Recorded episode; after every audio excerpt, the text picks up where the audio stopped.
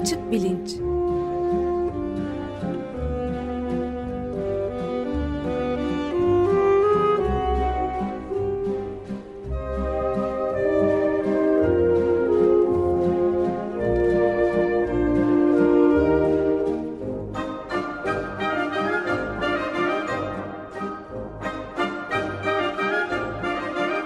Güven Güzeldere ile bilim ve felsefe sohbetleri.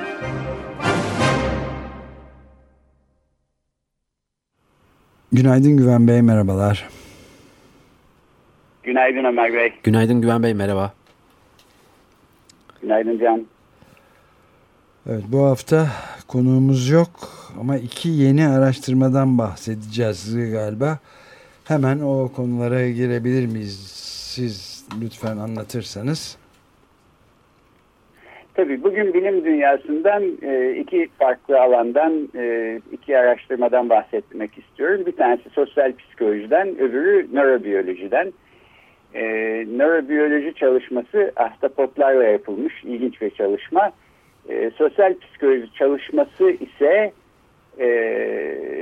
genel olarak Türkçe'de kurabiye deneyi diye anlattığımız, bildiğimiz e, İngilizce'de marshmallow test e, diye bilinen bir e, deneyden yola çıkıyor. Bu marshmallow böyle nişastalı Amerika'da çocukların çok sevdiği bir tür şekerleme Türkiye'de satılıyor mu bilmiyorum. Ben hiç görmedim. Ee, evet, ben satılıyor ama yurt dışından geleceği için, geldiği için biraz pahalı olabilir bu aralar.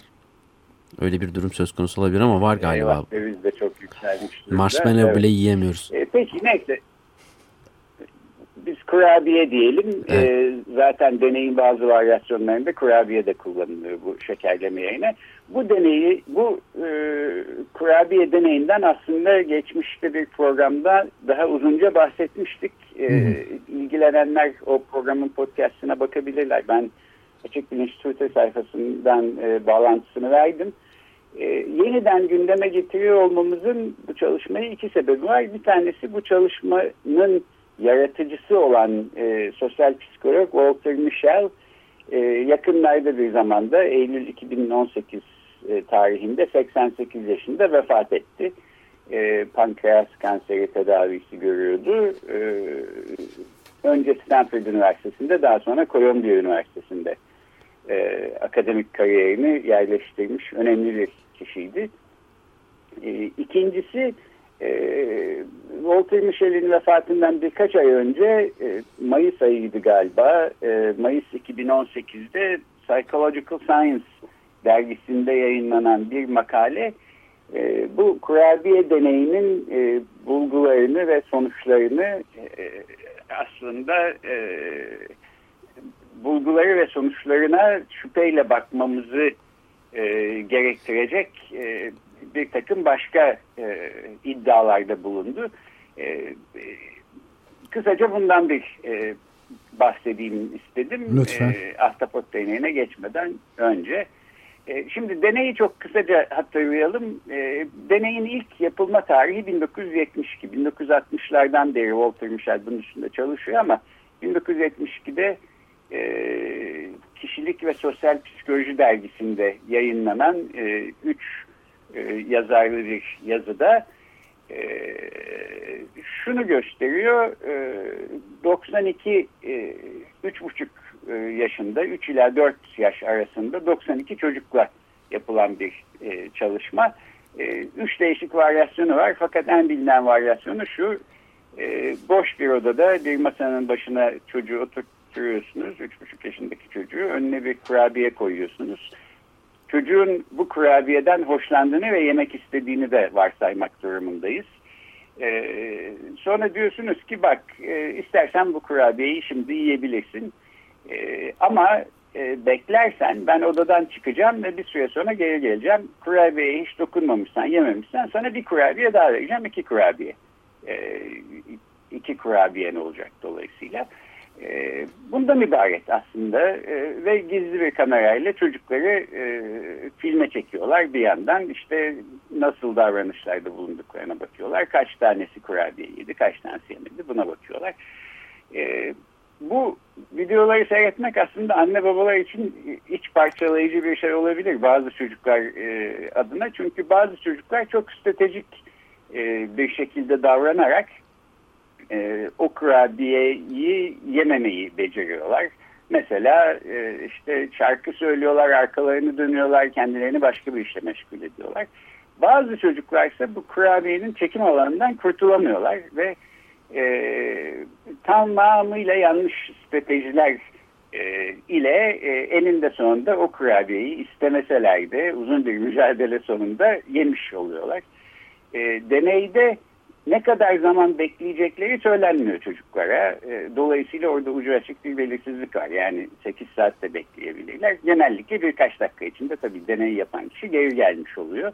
E, ama çocuklar bunu bilmiyor. E, ve doğru stratejiyi e, kullanamayan çocuklar e, işte gözlerini kurabiyeye dikiyorlar, e, kurabiyeyle oynuyorlar, alıp hatta ağızlarına götürüp ama yemeden çıkartıyorlar. E, yani büyük eziyetler çekiyorlar. Evet bayağı bir, bir parça yiyorlar. İşkence e, deneyimi gibi bir şey bu yani. Kesinlikle öyle. Yani iç parçalayıcı bir hali var. Bu, bu çocukların anne babasıysanız özellikle ve siz camın aynanın öte tarafında e, gizlice bunu seyrediyorsanız. E, neyse deney genel olarak bu kurabiye deneyi olarak biliniyor. Yani o zaman da e, anladığım kadarıyla ilgi çeken bir deneymiş. Fakat e, Walter Michel'i asıl e, ünlü yapan ve bu deneyi de popüler kültürde çok ünlü yapan e, bu e, çalışmanın yayınlanmasından yaklaşık 20 sene sonra 1990'da yayınlanan ikinci bir çalışma oldu. Gelişim Psikoloji Dergisi'nde. O da üç yazarlı bir e, çalışma fakat Walter Michel haricindeki diğer yazarlar farklı. E, bu çalışmada e, bu ilk deneyde yer alan çocukların 18 yıl boyunca 1972'den 1990'a kadar geçen zamanda e, hayatta neler yaptıklarına e, bakıyorlar ve diyorlar ki e, bu ikinci kurabiyeyi beklemeyi becerebilen çocuklar hayatta pek çok değişkenle ölçtüğümüz zaman pek çok açıdan çok daha başarılılar.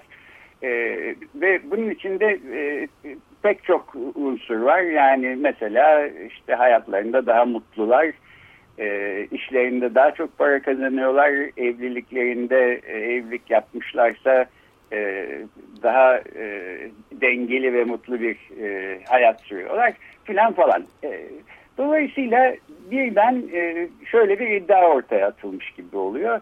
E, sizin üç buçuk yaşındayken işte bir kurabiyeyi e, yiyip yememekle, ikinci kurabiyeyi beklemeyi becerip becerememekle ilgili e, bir eğiliminiz ya da beceriniz aslında bütün hayatınızı belirleyen bir e, ayna tutuyor sanki e, size.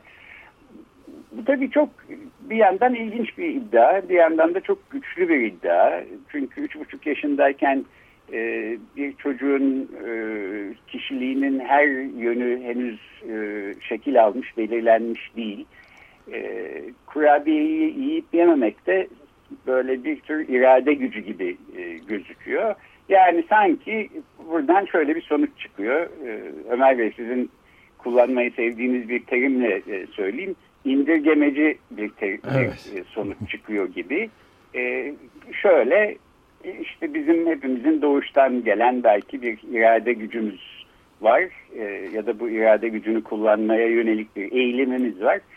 Ee, üç buçuk yaşındaki bir deney bu eğilimin ne kadar kuvvetli olup olmadığına bakıyor ve aslında bu eğilim hayatta ondan sonra neler yapacağımızı da belirliyor. Yani 30 yaşında nerede olacağınızı üç buçuk yaşında bu küçük deneyle e, içinizde var olan işte doğuştan gelme bir irade gücü e, ile görmek mümkün. Evet yani Şimdi, normal olarak e, bu modern toplumun gösteri toplumunun en tipik örneklerinden biri bu. Hem e, bir toplama kampında yapılmış bir deney, işkenceci bir deney gibi ve çocuklara da haber vermeden gizli kameralarla hem de onların bütün kaderlerini böyle bir şekilde belirlemeyi içeren de bir şey var yani belirleyici işte holistik bir bakışın tamamen tersi evet indirgemeci bir bakış var. Evet şimdi öyle öte yandan ben tahmin ederim ki Walter Michel bu deneyi tasarlarken e, işte 20 sene sonra baktığı zaman bu tür e, sonuçlar bulacağını düşünmüyordu. Bence düşünüyor olsaydı e, deneyi çok daha kapsamlı bir şekilde tasarlardı diye düşünüyorum. Evet. Bundan ne kastediyorum? E, orijinal deneye baktığımızda şunu görüyoruz. E, o zamanlar Stanford Üniversitesi'nde hoca Walter Michel oradaki anaokuluna gitmiş. Anaokulundaki çocuklardan işte 92 tanesiyle e, bu deneyi yapmış. 92 çok küçük bir sayı değil e, ama e, demografik olarak baktığınızda bu deneye katılan çocukların çok e, kısıtlı bir e, alandan geldiğini e, gö görmek e, zor değil sonuç itibariyle. İşte annesi babası Stanford'da çalışan e, çocuklar. Bu çok standart bir uygulama. Yani her okulda yapılıyor. E, Türkiye'deki okullarda da yapılıyor. Gelişim psikoloğu uysanız ve bir deney yapacaksanız, küçük çocuklara ihtiyacınız varsa bu işin en kolayı işte e, sizin eğitim kurumunuzun bir anaokulu varsa oradaki çocuklar arasından gönüllüler aramak falan. E, fakat e, bu tür iddialı sonuçları olan deneylerde hep mesela bağıntısallıkla nedensellik e, ayrımını gözetmek, bulunan şeyler e, aslında bir nedensellik ilişkisi gösteriyor mu yoksa e, birbirine e, belki şans eseri bağlanan unsurlar mı bunlara bakmak lazım. E, burada da mesela e, bu kurabiye deneyinde e, evet yani çocukların bazıları ikinci kurabiyeyi bekliyorlar bazıları bekleyemiyorlar ve bekleyenlerle bekleyemeyenler arasında hayatların ileriki aşamalarında işte çeşitli farklar belki gözüküyor ama bekleyenlerle beklemeyenlerin e, bekleyip bekleyememeleri arasında daha önemli başka farklar olabilir. Yani e, şimdi deney iyi tasarlanmış olmasa şöyle şeylerin de etkisi olup olmadığına bakmak gerekebilirdi. Mesela e, ikinci kurabiyeyi bekleyebilenlerin hepsi kız çocuğu diyelim. Bekleyemeyenlerin hepsi erkek çocuğu. Böyle olsaydı o zaman belki cinsiyet burada e, belirliyor diyecektik. Ya da Asya kökenli çocuklar bekleyebiliyor da işte Avrupa kökenliler bekleyemiyorsa o zaman belki böyle bir etnik ayrım var diyecektik. E, bu orijinal çalışmada tabii böyle bir e, bu kadar bariz bir e, ayrım söz konusu değil. Fakat e, sosyo-kültürel ve sosyoekonomik e, açıdan birbirine çok yakın e, 92 çocuğun seçildiği e, ortada. Bunu e, test etmek için işte e, Mayıs 2018'de yayınlanan yeni bir yazı e, 900'ün üstünde çocukla bu deneyi yeniden yapıyor ve gerek ırk, gerek etnisite, gerek anne babaların eğitimi, işte sosyokültürel ve sosyoekonomik arka plan açısından çok daha geniş bir yelpazede e, çocukları toplayıp e, ne olup ne, ne biteceğine bakıyor. O makalenin e, iddiasına göre aslında bu bir irade meselesi falan değil. E, daha ziyade çocuğun işte yetiştiği ailenin e, nasıl bir aile olduğuyla alakalı. E, şöyle şeyler söylüyorlar bana da makul geliyor. Fakat bu kurabiye deneyinin hala tartışmalı bir alan olduğunu ve bu konuda daha ileride başka çalışmaların da yapılacağını tahmin ettiğimi söyleyeyim. mesela daha yoksul ailelerin çocukları önlerine gelen fırsatı hemen değerlendirmenin e, en iyi strateji olacağını düşünüyorlar.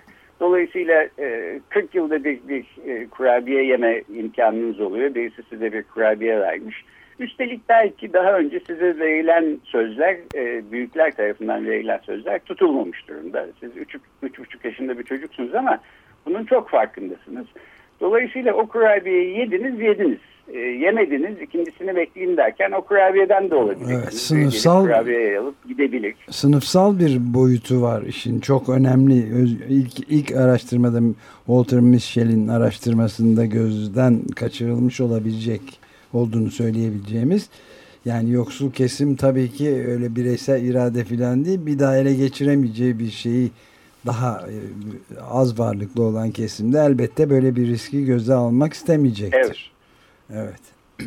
Evet, dolayısıyla yani bu anlamda sosyo e, ekonomik açıdan baktığımızda belki o kurabiyeyi hemen yiyen çocukta kendi açısından doğru bir strateji izliyor. Evet. Öte yandan e, ona bunu yaptıran e, koşullar işte hayatta daha sonra belki diğerleri kadar daha e, zengin ve okumuş ailelerin çocuklarına sunabildiği koşullar onlara sunulamadığı için işte daha az para kazanan veya daha az mutlu olduğu bir işte e, çalışmaya onu mahkum ediyor filan yani her zaman olduğu gibi burada da özellikle işin içinde hayat gibi çok komplike bir e, durum söz konusuysa çok değişkenli ve e, çok bakış açılı bir açıklamaya ihtiyacımız var. Walter Michel'in yaptığı orijinal ilk çalışma bundan yoksun bir çalışmaydı. Buna rağmen 1972'de yapılan bir çalışmanın hala 2018'de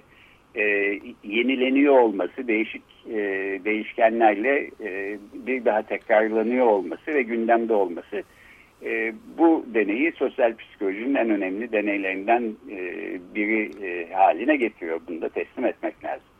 Evet. Bir de tabii tüketim toplumunun korkunç çekiciliğinin giderek artan çekiciliğinin yoksullar üzerinde de durmadan en basit şeyi bile satın almaya itmesi gibi araştırmalardan da bahsediyor sizin göndermiş olduğunuz makalede. İlginç. Evet yani e, ben şöyle düşünüyorum çocuklarla e, bir şekilde bir e, iletişimi olmuş her e, yetişkinin e, aslında görebileceği gibi evet e, çocuklar arasında doğuştan gelen bir takım mizaç farkları her zaman oluyor. Yani tam aynı şekilde aynı koşullarla yetiştirmeye çalışsanız bile kendi çocuklarınız arasında da insan bunu görebiliyor. Başkalarının çocuklarında da görebiliyor.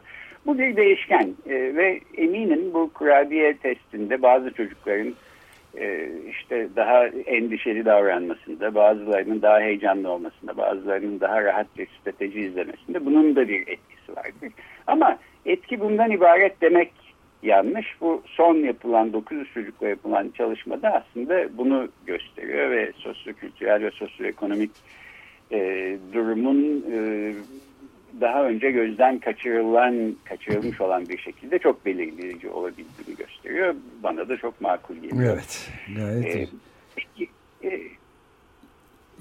şimdi isterseniz bu e, ahtapotla yapılan deneye geçelim. Evet, e, o da ilginç bir deney. E, e, yeni, yepyeni bir deney.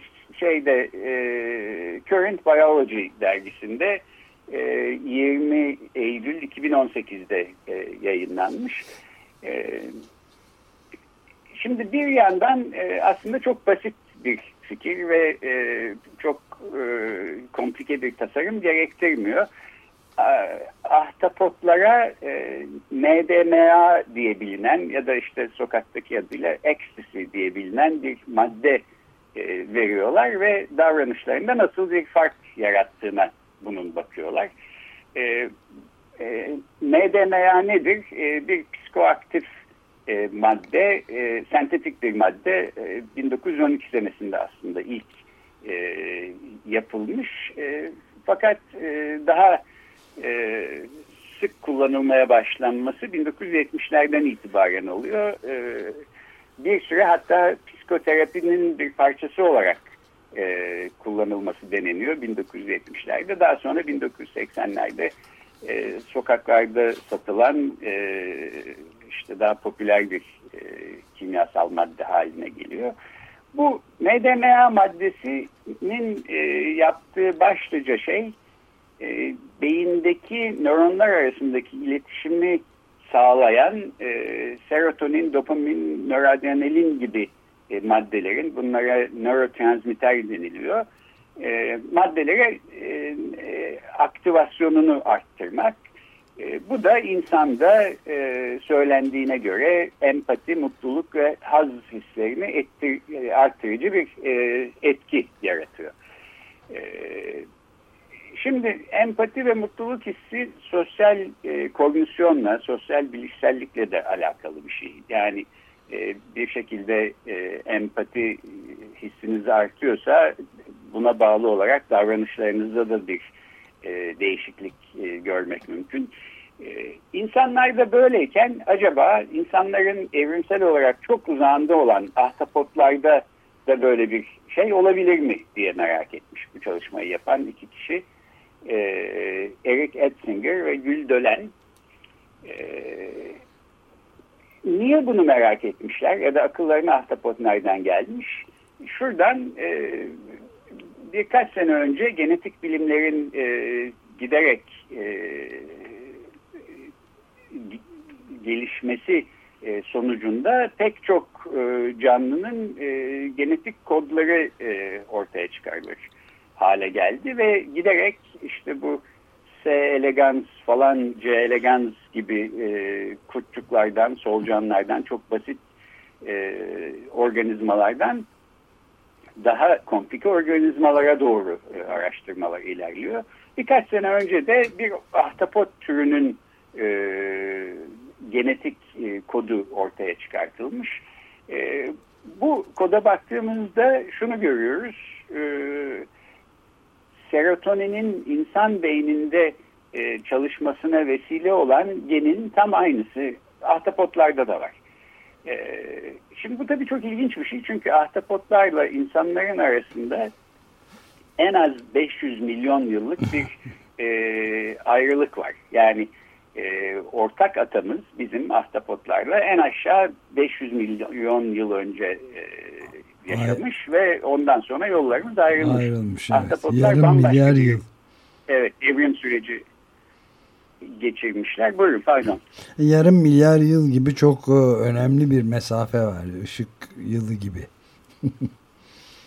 evet ve nispeten yani nitekim baktığımız zaman e, hani morfolojik olarak, anatomik olarak, fizyolojik olarak e, vücudumuzun şekline ya da sinir sistemimizin nasıl çalıştığına bambaşka bir canlı ahtapot. E, yani işte insanlara e, şempanzeler, bonobolar, e, orangutanlar filan benziyor.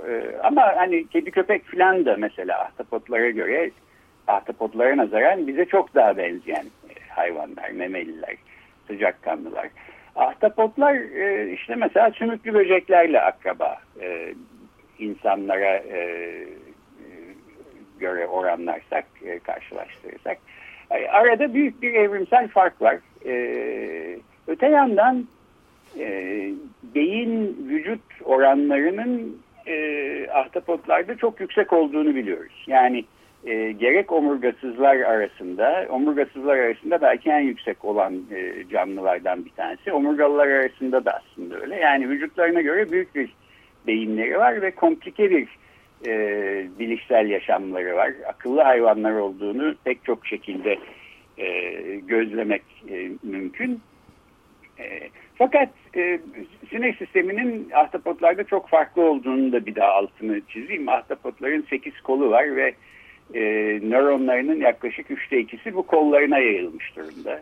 Dolayısıyla biz insanlar gibi tek bir kontrol merkezi bir beyinden ibaret değil. Bambaşka bir bilişsel hayatları olsa gerek.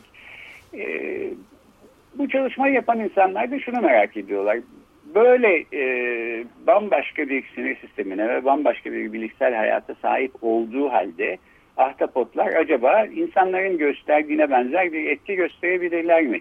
Bu MDMA maddesi kendilerine verilirse ya da işte ecstasy denilen madde. E, Bunda nasıl yapıyorlar? Üç bölmeli bir akvaryuma ahtapotları koyuyorlar. Ee, önce e, bu ilacı vermeden önce, bu maddeyi vermeden önce ahtapotların nasıl bir sosyal davranış gösterdiğine bakıyorlar. Bu orta bölmede bizim kahramanımız olan ahtapot e, oturuyor. Fakat e, küçük deliklerle sağdaki ya da soldaki bölmelere geçme imkanı var. Bu bölmelerde de ya plastik bir e, oyuncak ya da bir başka ahtapot e, var bir e, kafesin içinde. E, ahtapotlar genellikle yalnız e, yaşayan hayvanlar. Sosyal hayvanlar değil. Bir araya geldikleri zaman birbirlerine arkadaşça değil düşmanca e, davranıyorlar e, falan. E, neyse bu e, nasıl davrandıkları ölçüldükten sonra e, denek olan ahtapotların e, bu hayvanları e, içine ecstasy hapı katılmış e, ve eritilmiş bir suyun içinde e, 10 dakika kadar tutuyorlar. Solungaçları vasıtasıyla e, ecstasy hapının e, işte etkisinin ahtapotların sinir sisteminde e, gözükeceğini varsayarak daha sonra bu bölmeleri yeniden yerleştiriyor ahtapotlar ve e, şunu gözlemliyorlar. E, ahtapotlar e, ecstasy hapını aldıktan sonra ya da neyse bu şekilde maruz bırakıldıktan sonra son derece sosyal yaratıklar haline geliyorlar. Eskisine nazaran işte plastik oyuncakla oynamak yerine gidip diğer ahtapota dokunmaya başlıyorlar.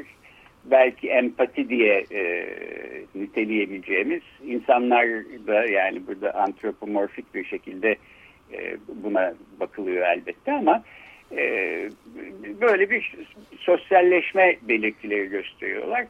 Buradan da şu sonuca varmış bu araştırmayı yapanlar. Demek ki diyorlar 500 yıl önce bile e, bu serotonin e, sisteminin nasıl çalıştığı e, bizim ortak atamızda vardı. Dolayısıyla e, ahtapotlara doğru gitti evrim e, sürecinde bir kol, öbür kol insanlara doğru gitti. Fakat e, ekstasi hapını verdiğiniz zaman 500 milyon yıldır bir arada olmayan iki canlı türü insanlarda, ahtapotlarda aynen birbirinin benzeri şekilde davranabiliyorlar. Evet son derece ilginç aslında. Blue Planet e, dizisinde de e, ikinci bölüm e, dizinin ikinci gösteriminde de ahtapotların ne kadar olağanüstü akıllı e, ve kuvvetli bir beyin sistemlerinin çalışması olduğunu da görme fırsatımız oldu. Evet yani bu çalışmalara bakınca insan aslında e, vejetaryen ya da vegan olmasa bile e, bir daha ağzına ahtapot koyamayacak hale geliyor. Ben de bunu söyleyebilirim. E, psikoaktif e, maddelerle yapılan e, çalışmalar bilimde giderek daha çok yer tutmaya başladı. Biz de geçmiş bir programda e, LSD maddesi verilmiş bir insan beyninde beyin görüntülemeyle neler olduğuna dair bir çalışmayı aktarmıştık. Bunun da bağlantısını vereceğim. Son olarak bir de şunu söylemek isterim. Bu e, çok küçük bir anekdot. E, buradan çıkartılabilecek e, bu çalışmadan şöyle bir ders de var. Çalışmayı yapan e, iki kişiden bir tanesi aslında bu çalışmayı tasarlayan ve aklına gelen e, kişi Johns Hopkins Üniversitesi'nde e, kendi laboratuvarı olan e, genç bir öğretim üyesi Gül Dölen. Gül benim öğrencimdi.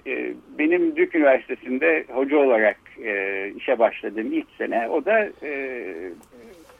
lisans öğrencisi olarak son sınıf öğrencisiydi. Ve bir işte beyin, zihin filan diye nörobiyolog bir meslektaşımla verdiğim bir dersi almıştı. Ee, böyle ne yapacağına pek karar verememiş. Ee, çok akıllı, parlak ama e, alternatif bir öğrenciydi. Bu psikoaktif maddelere falan da çok düşkün bir kişiydi. Hatta bitirme ödevi olarak e, halüsinasyon yaratan e, mantarlar üstüne bir ödev yaptığını hatırlıyorum. ve pek çok başka öğrencinin aksine işte okulu bitince ne yapacaksın dediğim zaman vallahi bilmiyorum işte böyle yani bir şeylerle ilgileniyorum ama e, doktora yapmaya mı gitsem yoksa başka bir iş mi yapsam filan böyle pek e, hayatta ne yapacağını önceden e, stratejik bir şekilde belirlemiş bir kişi değildi.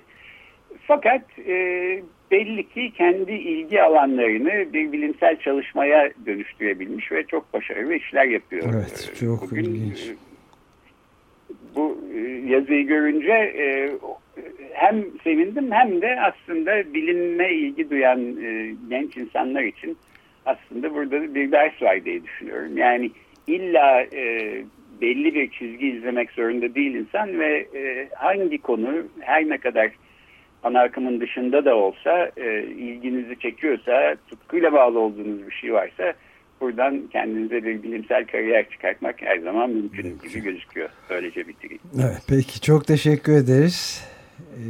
E, haftaya görüşmek e, üzere. Ben teşekkür Hoşça ederim. Kalın. Görüşmek üzere. Görüşmek üzere.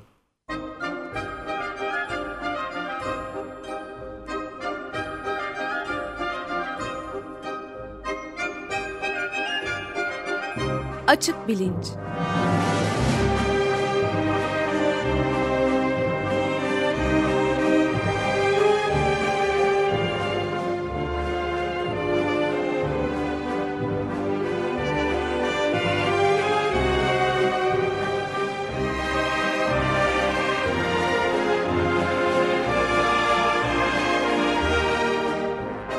Güven Güzeldere ile bilim ve felsefe sohbetleri.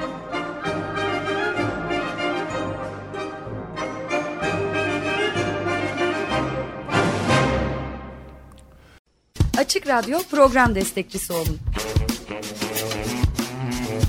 Bir veya daha fazla programa destek olmak için 212 alan koduyla 343 41 41.